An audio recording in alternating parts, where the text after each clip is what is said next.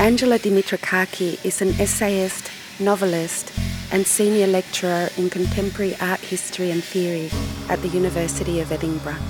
From the trenches of Marxist inspired materialist feminism, Dimitrakaki analyses the links between art, the economy, and politics against the backdrop of globalized late capitalism.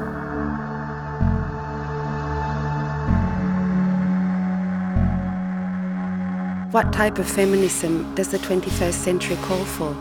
How can anti patriarchal strategies join forces with a struggle to undermine neoliberalism? How can art history give rise to a new critical paradigm?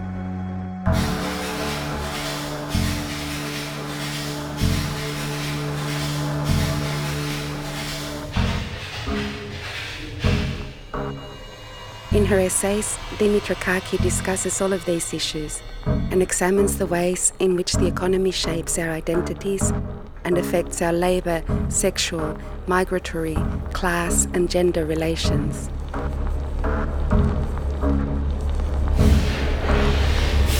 Sonia talks to Angela Dimitrakaki about the new feminist critique, the limits of democracy, the wiles of post capitalism, and the ambivalence of the commons. We also touch on the notions of radical curating and collaborative practices.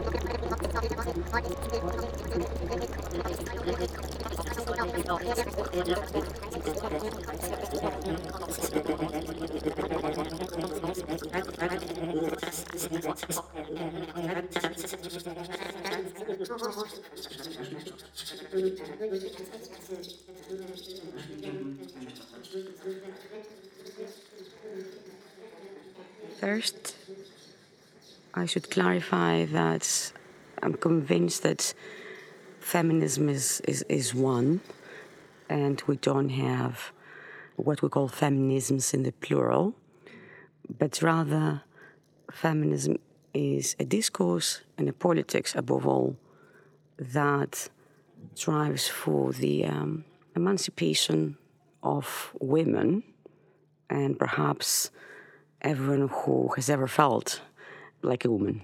That also comes into this. And historically, there have been many articulations of this goal, of this aim, with specific historical conditions.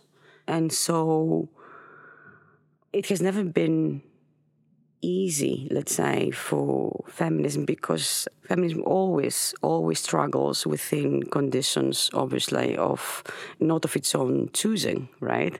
So the conditions are always adversary, they're always against, never favorable.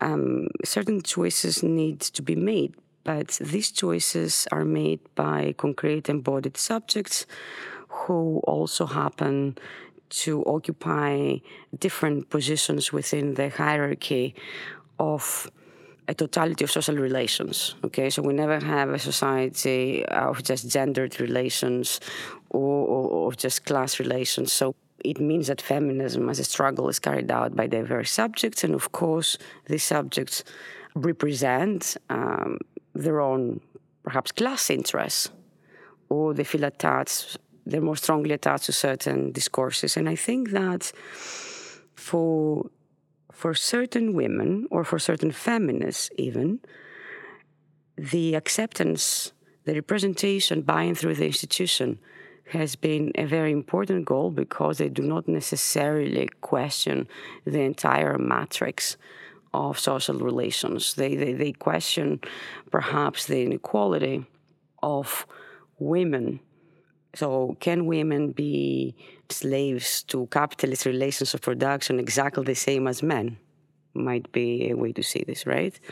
When it comes to the art world, when it comes to art, which has been to an extent a rather elite space uh, of consumption, I would say, the first issue that, uh, that arises that is obvious is that why are women not included in major collections. I mean, it's very easy to see how someone would be driven, you know, to question that.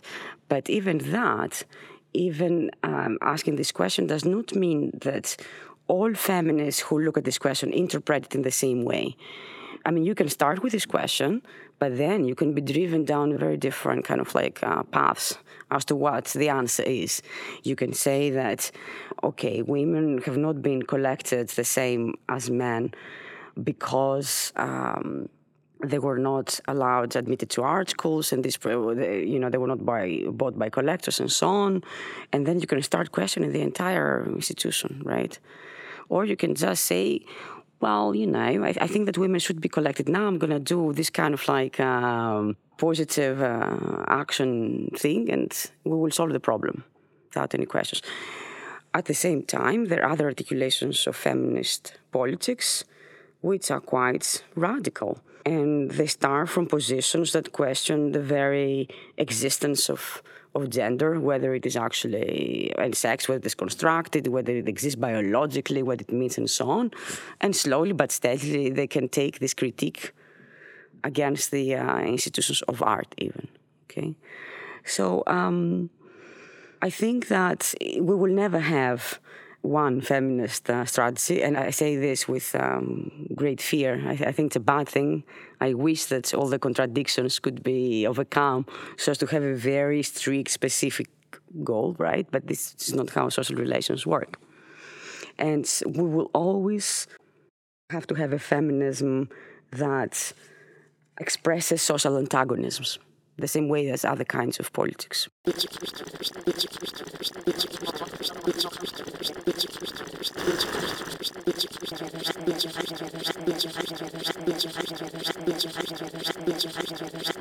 Struggling against the system.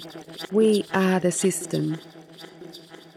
I think that uh, what we call the system, which is uh, we, we, can name it. It's a global capitalist system of production with, which relies on the gender division of labor and other gender things and makes excellent use of racial divides as well. We can keep finding other things. So the system is fairly specific, even if it varies from one place to the next.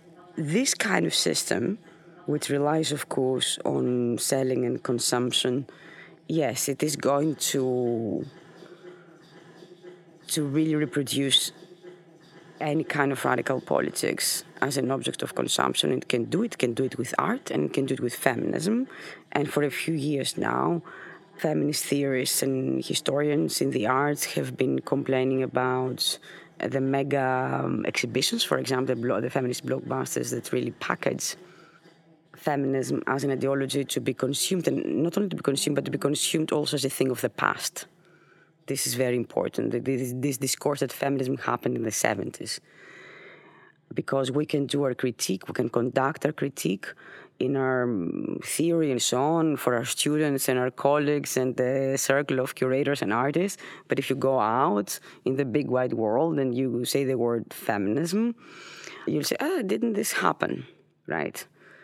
And there is even an approach that says that uh, we should be fans of this vintage feminism, which leaves us, of course, with a, depoliticized notion of feminism, basically a useless, not just abused, but a useless feminism. I mean, why, why should we have it? What is feminism in this, in this case? So, the system, the system, the system is us uh, we can we are that, that's the other part. So that was part one and now part two. We are the ones who reproduce the system through our voluntary participation which is not entirely voluntary right? I mean as we said the system owns controls the means of production but we do have means of fighting this and we don't do it because it requires terrible effort a terrible effort, like a really strong effort to do anything differently. And especially when it's just one little um, kind of like uh, a little separatism, for instance, okay, that you know is not going to change anything, then you wonder why, why, why am I doing this? Why should I go and live with several friends and raise our kids together? And it wouldn't be easier to advertise in the Guardian and find a man Capitalism is a complex monster. The reason that it's so hard to proceed with a revolutionary cause, when you say, and this is the only thing you can say, I can't imagine saying anything different, that we're going to maintain, let's say, a micropolitical level of reforms and a macropolitical level of revolutionary ideas yes, you say that, and that's very good, and you can be very conscious of this double, of this kind of dual operation of your politics.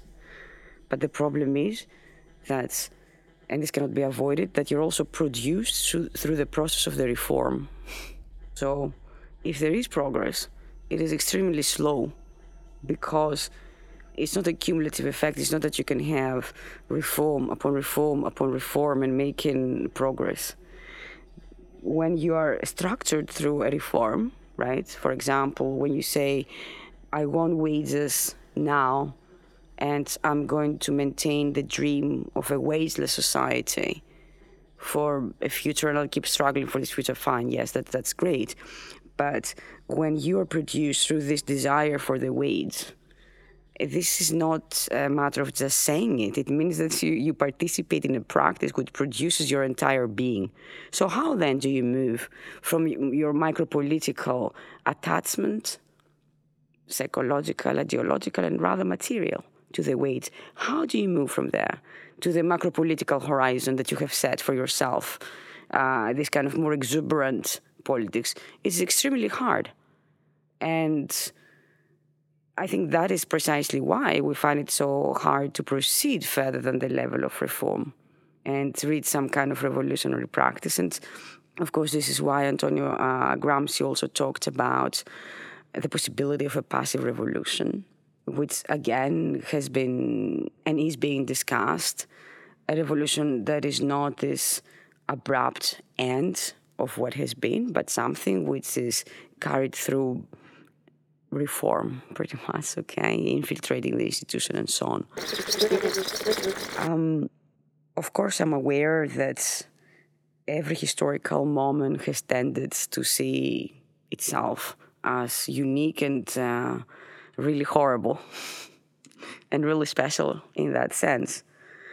And I'm no exception to this rule. And I, I, I and I do think that our era is the most horrible um, of all and the most particular in that sense, because I think historically it is the first time that we have this kind of encircling of the globe. The English word globalization delivers this very well. Okay, first you learn, you find through scientific practice that the world is a globe and therefore it can be covered. And then the system proceeds to do that. And so today we have reached this this point. Pretty soon, we're going to export capitalism to Mars, I believe, in just five years. Yes, because this production of new space that we call cyberspace, which I think is the only kind of space that capitalism has pretty much invented, you know, it was not enough to, to keep the rate of profit where it should be. We've done debt, right? We've done everything, and now it's uh, down to material space, except it's extraterrestrial. So that's how capitalism proceeds. So when we say that everything is done within capitalism, and we're here, I think it's an understatement. It's not only that everything is done within capitalism, but capitalism is also done within ourselves, which is something, of course, that we must always remember. We do have this notion in contemporary theory of embodied capitalism. It's a rather complex notion I think that we need another notion that goes beyond the level of the body, that captures the entire process of life. We have biopolitics, of course, but that again differentiates between bios, vios in Greek, which is a kind of social life, and then we have zoe or zoe, which is this other more biological, let's say, life. And we need something more complex to understand that capitalism at present, I would say, produces all positions, even the opposition to itself. Which I can't see how capitalism would exist without this opposition to itself. Because it needs this task of transcending, you know, it needs the struggle It really does. It feeds it. It's a complex monster. Communalism in times of neoliberalism. Commons, communization, etc., etc. These are terms that have defined a radical contemporary critique because life is too short and we're not always patient and we want things to happen now. We want post capitalism within capitalism. We want pockets of non capitalist relations and so on. So we're very keen to witness them and to say, ah, this exists.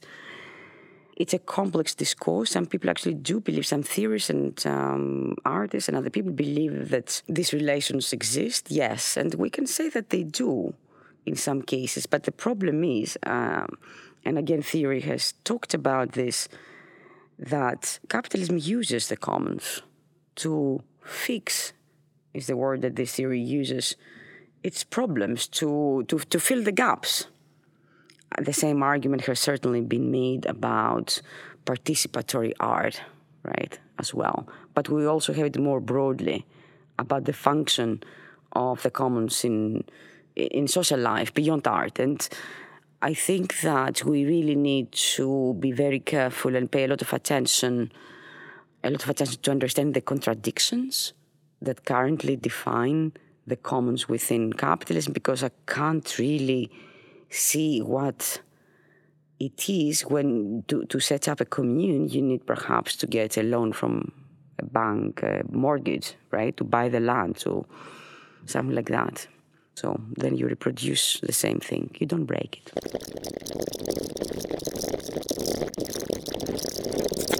I, i'm not so sure that we don't have a way out of capitalism. I think it's it's fair to say that we have never seen a way out of patriarchy, which predates uh, capitalism, and it seems to be embedded in the very idea of the economy.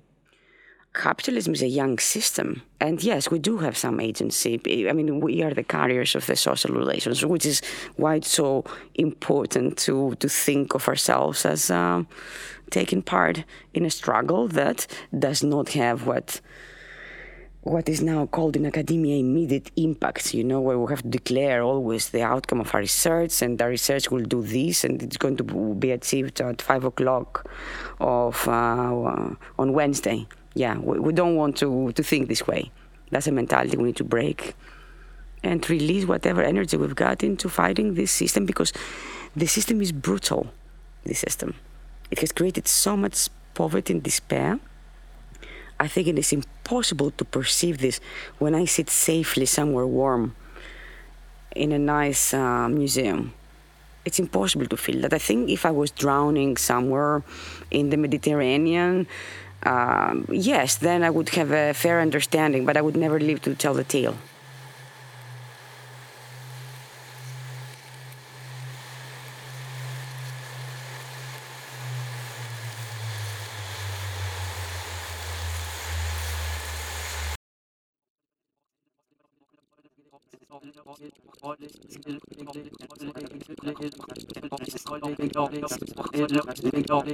Elections change nothing. When you have a finance minister that says in these words, elections change nothing. So I remember this from the, because it's the title of an article I recently wrote for Documenta. I was like, yeah, that's a, that's a good point to start elections change nothing. Wow, right. Okay, so this is now publicly admitted even. We don't need to make assumptions anymore. Then we have to start asking why we vote. What is this? Do you want to answer this? That's that's a very complicated issue.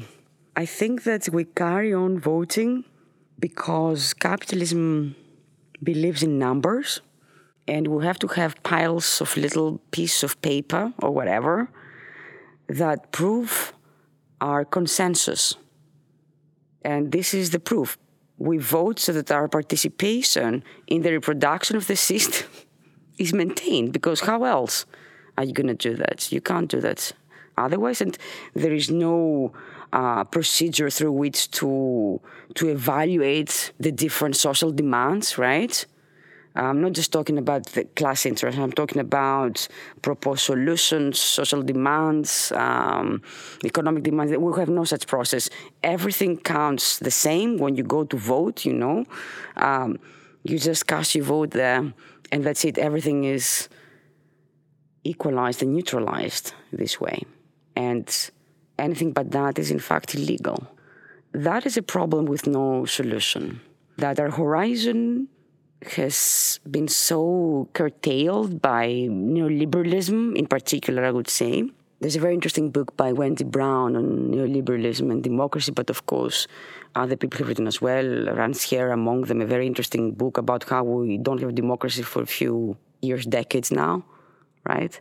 And we have an oligarchy. It's an interesting, many interesting studies exist, I would say. So the fact that we carry on with this charade of like voting, um, and I say this now, I would have never said this a year ago. I say this now because I'm Greek and I lived in Athens the year that we saw the Attic collapse. Yeah, okay, so you vote no, yeah, here's yes. So you vote yes, here is no. And I wish I could, and I will, you know, and I think all of us, it should be a responsibility, our citizens, to get to understand the procedures how is this produced? How how does it not turn into a yes? This complete subversion, you know, of uh, declared demands. Anyway, the elections, and of course, this is how they were used. The last time we vote in Greece, we vote uh, as long as we have the memorandums of understanding. I think we never complete for years. We just vote all the time. We vote always for more of the same. And I think we make a very good model of what global democracy is about. We vote for more of the same in general. It's interesting and extremely problematic for me that we see within uh, neo communist theory a rejection of democracy. And that was actually my starting point for thinking about the fact that contemporary capitalism no longer needs democracy because I started hearing the same narrative, both left and right, uh, suddenly, it's, uh, China does not need democracy, and enlightened Western communists do not need democracy, and um, neoliberals do not need democracy. So, who do we have any uses? Uh, I mean, do we need democracy or should we give it up and try to think of other models? I'm not there yet. I'm not giving it up because, you know, as a woman, it took a few years. it, it took a few millennia for me to vote. So I'd love to keep uh, democracy and uh, radicalize it completely, though. I think we need a completely different procedure, but I'm very attached to democracy.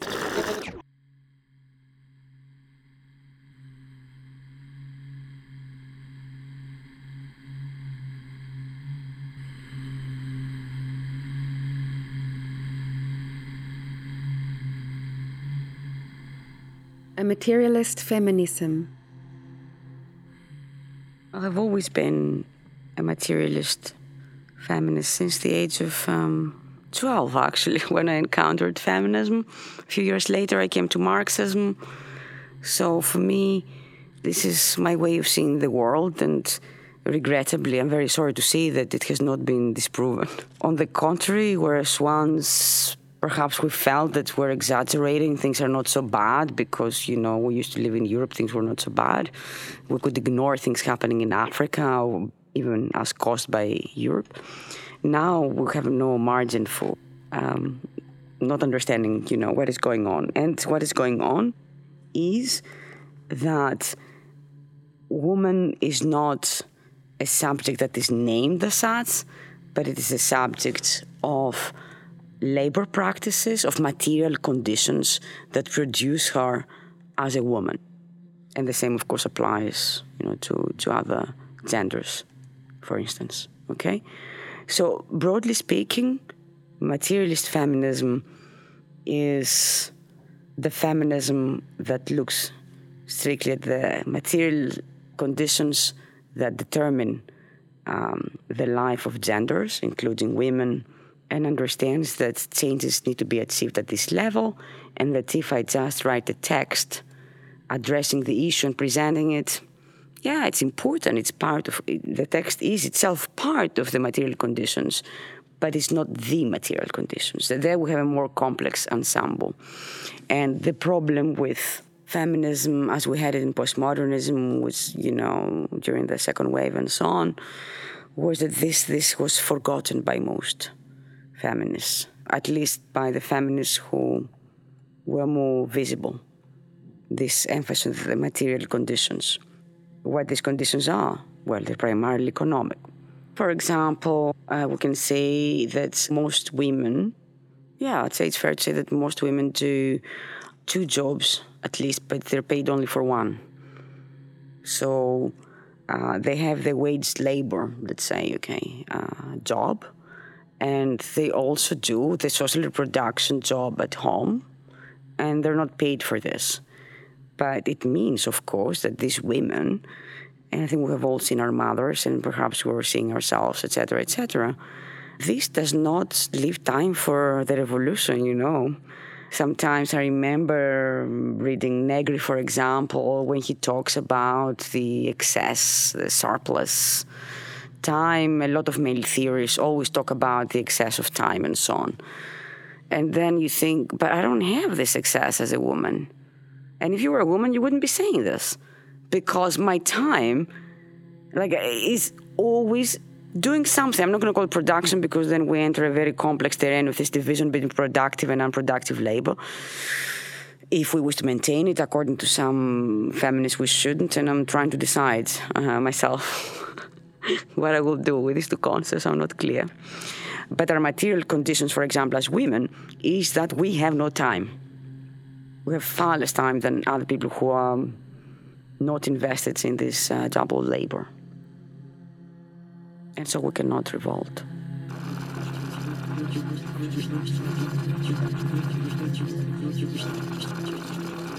From the cultural subject to an economic subject. We can start with modernity and think about the author as producer uh, that Walter Benjamin talked about, the fact that uh, this author or artist, if you will, would be fighting on the side of the proletariat, right? So that was the privileged subject of that historical modernity.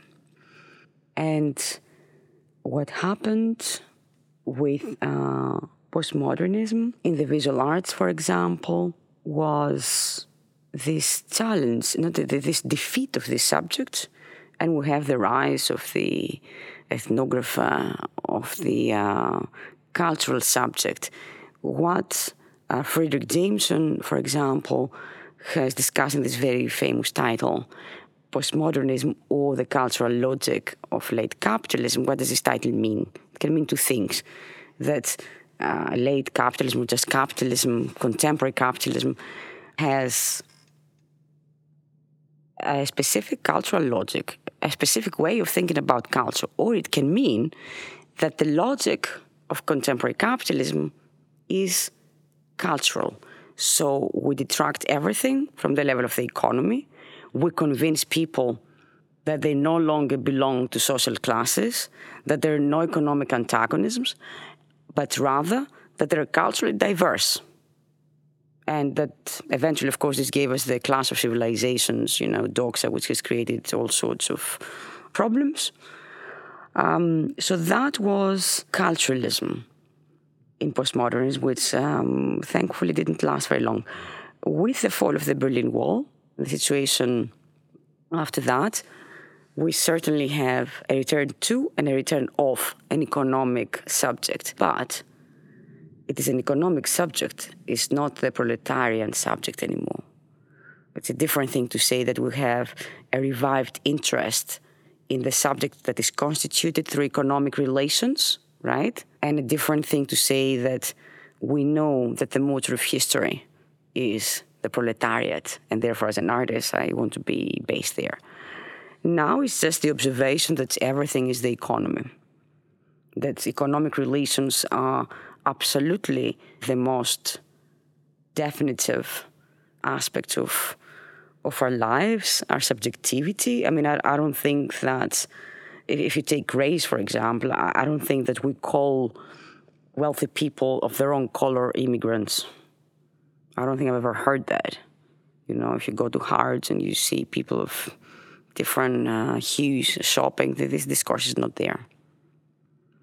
It's never there. And where does this leave us as regards um, contemporary art and contemporary politics? Yes, we understand and we can see it. I mean, if you if, if you make a list of uh, all the workshops, exhibitions, uh, discussions, debates, uh, projects, institutions that deal with economic relations, you will see that this list becomes really big after 1989, especially after 2000, and it grows even more after 2008. So this return to the economic subject has has been going on for a few years. We don't know how long it's going to last and what will come out, uh, what will follow it. But within this discourse, we do not have a privileged subject of address like we did in historical modernity with the proletariat. Here, we, we don't know who is going to carry the struggle forward. We have no point, I think, of identification. Of course, some groups can say the migrants, the immigrants are the new subject of history. Or we might say the women because labor is feminized, right? Or we can say this and that. But I don't think that there is a discourse that brings all this together and creates something. So we're, we're still seeking out possibilities, but we're unfocused. And I think this is reflected in contemporary politics. I'm talking about real politics, where most people continue to vote against their interests because I don't think they, they have a point of identification for their interests.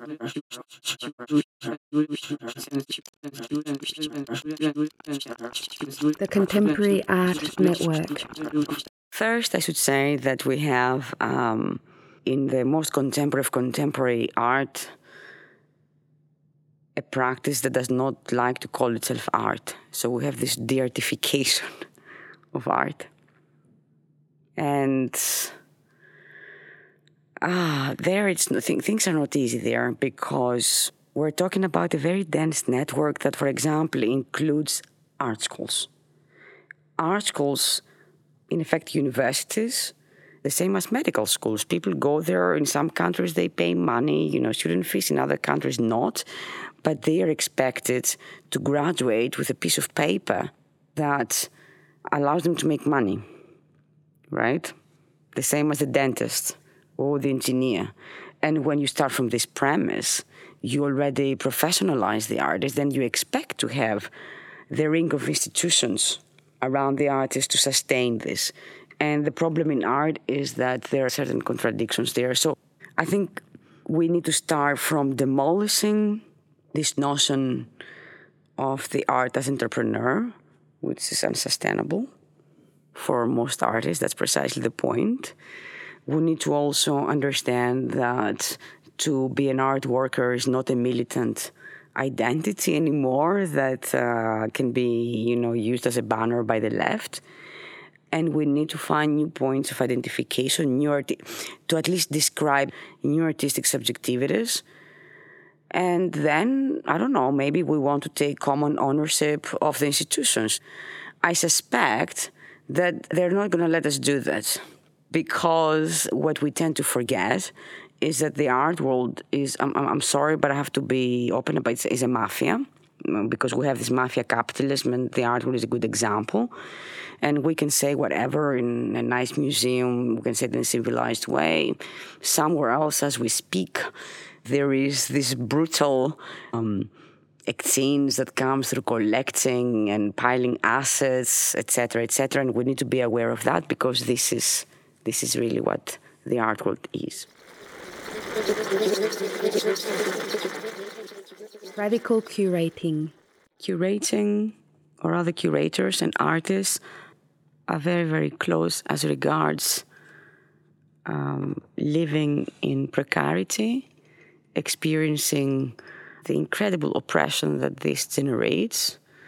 A lot of curators and artists are women and we can start from all this that we have the very few exceptional stars of curating or artistic curatorial or artistic practice and proceed from there. So I will take precarity and gendered precarity, I would say, as the ground about this. And then we can think that the curator, as much as the artist, should, and I say should because it's I'm interested in politics and strategy and what we should be doing, really reflect on her own conditions of production and reproduction as much as um, on the conditions of the art that the curator, for example, looks after. Okay, so it has to be a self. So radical curating can be a self-reflexive discourse and praxis that looks at the subjectivity, at the laboring subject, the curator as a laboring subject that says, okay, wait a minute, what, what is it am I doing here? For whom am I producing? How? Basically, it's the old uh, question posed by Walter Benjamin that I think in general we need to revive, take it forward. It has been revived, but we need to do a lot more work with it and on it.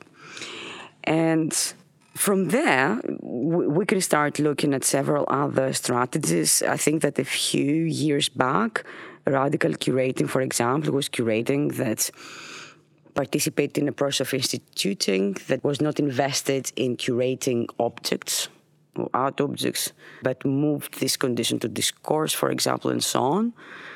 Uh, but the art institution will do exactly the same with this as with anything else. I have been very interested in the idea of a curatorial commons, of instead of putting so much effort into uh, a competition of our different ideas, rather uh, proceed, share ideas, and have different realizations of these curatorial ideas in diverse contexts, which of course would produce results. This would mean a very radical undoing of the competition among curators about who has the best portfolio to do this and that. To the extent that we can have radical art, and there's a question mark there, we can also have radical curating, and I'm sure there are other people there with fantastic ideas about how to proceed with that. I think curating we used to see just as administration within the context of this incredible bureaucracy that capitalism has become. Um, no, it can also become other very kind of radical things because it expands um, the circle of creativity, right, and awareness. And it can create some kind of common cause with other groups that have been seen as heroic. The artist, this idea of the heroic art is suffering. This has to stop. There's a lot more of us who are suffering. And the curator is one of them.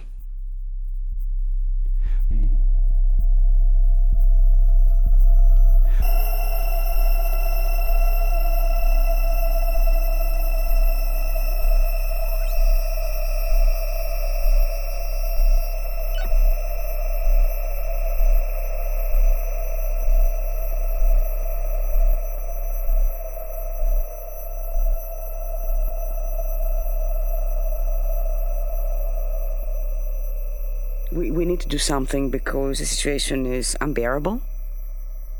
And I think one tactic would be, first of all, to understand that uh, so called DIY grassroots uh, initiatives, great, we have them. We should have more and more of this. But nothing will happen until we reach, uh, un- until we get the right governments into place. Then, on the level of everyday life, we must drop the media completely. Like the media are the devil. Anything that appears there becomes trivialized and so misrepresented. I mean, I'm thinking, for example, of those uh, TV debates, you know, before the elections, where, and the left joins in, and they, the left politicians and even radical left politicians, they they participate in this spectacularization of their ideas. And it's not just that it banalizes the, uh, their discourse, is that it does, yeah, it really does present to the voter that they are like anybody else. So why should they be voted into governments? Why, you know? So yes, what have I said? Okay, go- radical governments, drop the media, and start really um, proper networks of solidarity, which I think now exist for the dispossessed. So, for example, we can create networks to protect uh, the refugees in the immigrants, are incredibly useful. But I think we also need protection, for example, as single mothers. I, I am a single mother and I need, um, I don't want to go to the church of my whatever. I, I don't need charity. I need radical friendship networks that can really challenge, okay, for example, friends living together in one flat, I don't know, buy a, or rent a whole apartment block. We really do need to start living differently. This isolated. I mean, I never liked the nuclear. You know, uh, I was never a big fan of the nuclear family. Of course, yes, like everybody else, I buy all the fairy tale around it, but I question it, and the question is why. If I question it, still get stuck to it, and I'm attached to it, then there is no hope. So we have to break this and really create more radical, not too radical, but alternative ways um, of everyday practice throughout, um, especially in Southern Europe, where we have this amazing sociality, these amazing friends. You know, like I mean, Athens is a paradise for this. I have to say that it's it's it's good in that respect. People are friends to each other, the people that they choose to be friends with. Okay, right? And this has um, kept our head a little bit just about this.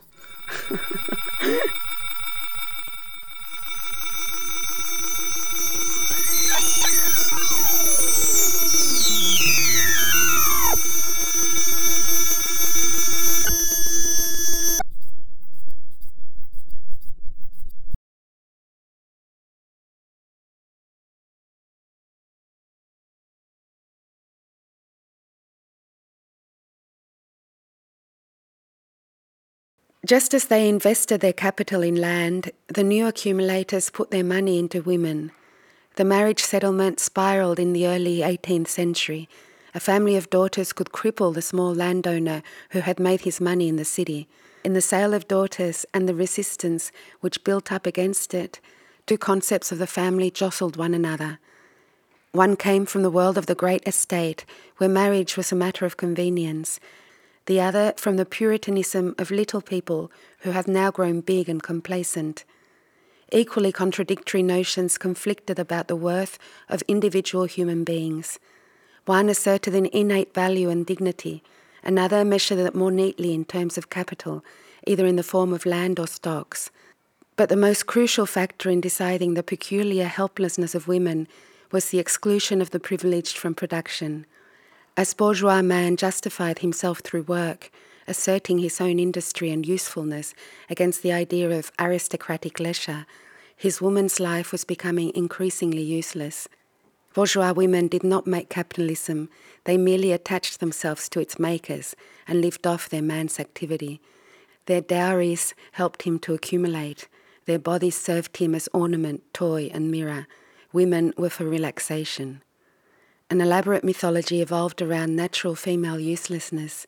The helplessness, frivolity, illogicality of female creatures was put about. A kindly paternalism cloaked women's real powerlessness.